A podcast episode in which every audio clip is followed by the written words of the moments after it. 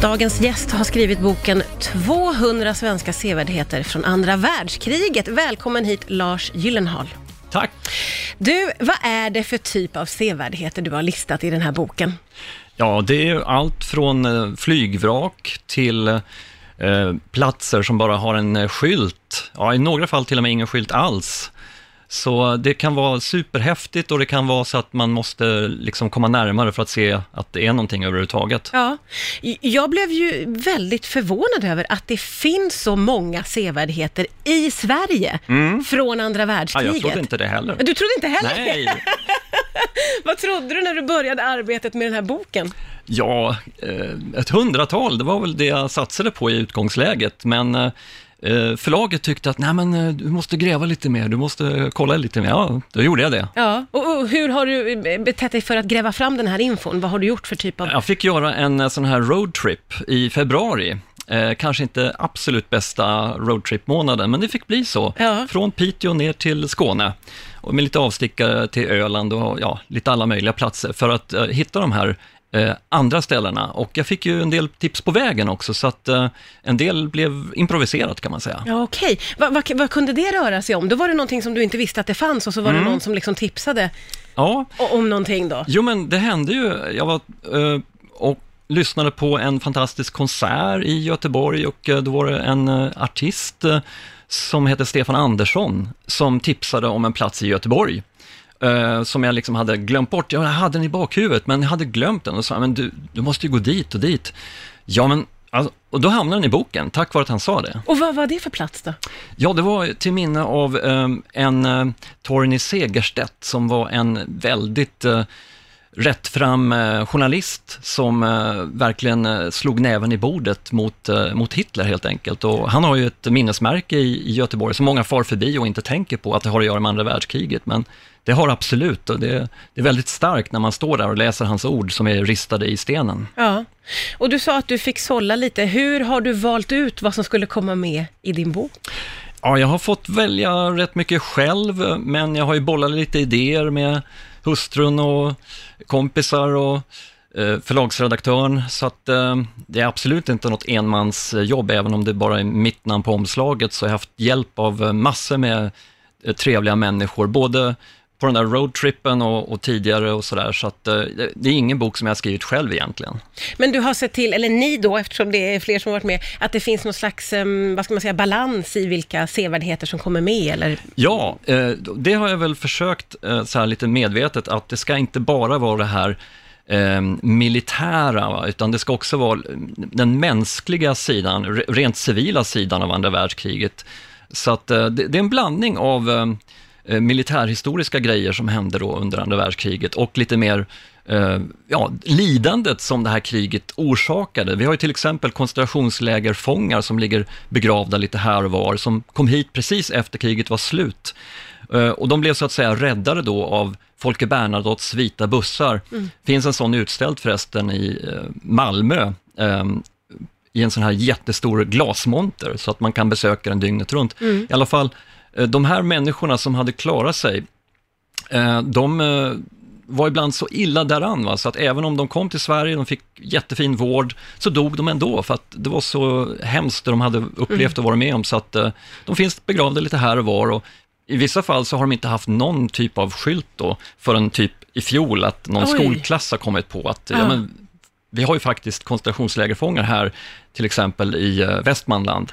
Eh, och då måste vi få upp en skylt för dem. Och då har den där skolklassen och sett till att det har blivit verklighet. Och det tycker jag ska liksom premieras. Ja men verkligen. Att de gör grejer. verkligen. Som sagt var, det är ju otroligt när jag bläddrar i boken, väldigt mycket som jag inte hade någon aning om. Är det någonting som har förvånat dig under arbetet med boken? Ja, ehm, det är väl att det får faktiskt finnas delar av flygplan kvar, så att säga, ute ehm, i det fria eh, på några platser i Skåne. Eh, det finns ju ett eh, nästan, eh, ja, mer eller mindre eh, komplett plan uppe i eh, Lappland. Och det Okej. kanske inte är så konstigt att, att det finns där fortfarande. Men att det finns minnesmärken med flygplansdelar, ehm, i Skåne på några platser eh, och att de får vara kvar där. Det tycker jag är väldigt fint. Det, kanske finns ändå någon sorts respekt för historien. Att de får vara orörda helt Ja, enkelt, ja. det är ju fantastiskt Ja. måste man ju säga. Har du själv några favoritsevärdheter?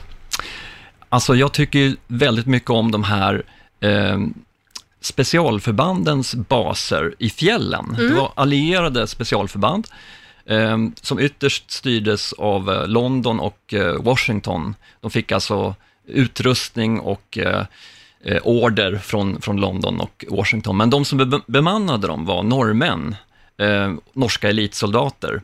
Och eh, de som fanns uppe i eh, fjällen i Norrbotten, de hette Sepals. Eh, det var bara ett sånt här kodord de hade valt på måfå, det betyder som ingenting. Ehm, inget begripligt i alla fall. Så de här baserna, de är ju faktiskt rätt så lättillgängliga. Okej. De två, två av de mest välbevarade, ehm, de förvaltas liksom av eh, Svenska turistföreningen, STF, och man kan, eh, man kan bo i dem. Jaha, Ehm, och det börjar väl komma lite grann också att det blir skyltat de här grejerna. En hel del av de här eh, hemliga eh, sakerna, de, de har inte varit skyltade alls, men nu börjar det komma lite grann att man börjar inse då hos ja, lokala myndigheter att ja, men folk är intresserade av andra världskriget, men en, en del jättespännande saker är fortfarande helt oskyltade. Jag var bara häromveckan i Västerbotten och besökte en brittisk sån här hemlig bas okej. eh, nära norska gränsen, Ja. bara en, en, kilometer från. Och där var det massor med informationsskyltar faktiskt. Men det var den samiska aspekten av den här stugan då.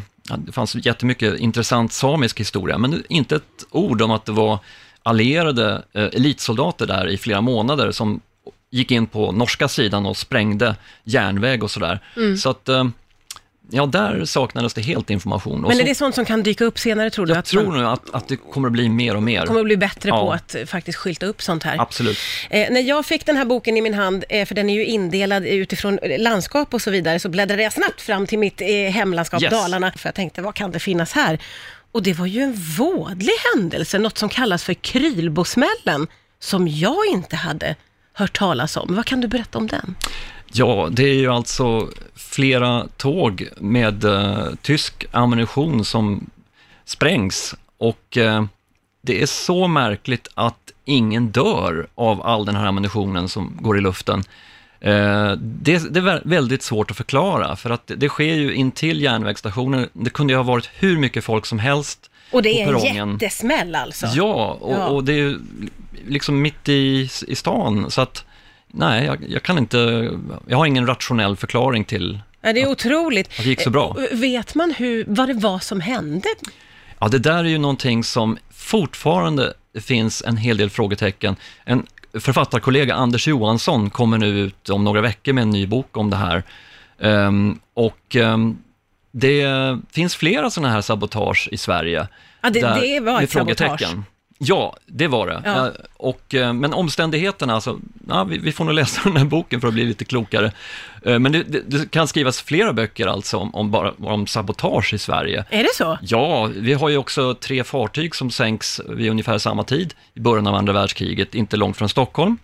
Och de kan man till exempel, alla, alla de som gick åt där, de, de svenska sjömännen, de, deras minne finns så att säga förevigat i Skeppsholmskyrkan. Man behöver inte ens gå in i kyrkan, utan i entrén så är deras namn då på sådana här stentavlor. Okej. Ehm, och ehm, det är fortfarande så att eh, det går inte att säga med säkerhet om det var britterna eller Sovjet som eh, utförde det här, men sabotage, det, det är rätt säkert faktiskt. Otroligt mycket spännande historia i vårt land. Din fina bok, den heter 200 svenska sevärdheter från andra- världskriget. kan man ju ha med sig när man är ute och kör i vårt avlånga land. Det finns ju massor av spännande och bra tips här. Lars Gyllenhaal, tusen tack för att du kom till Rix FM idag. Tack så mycket.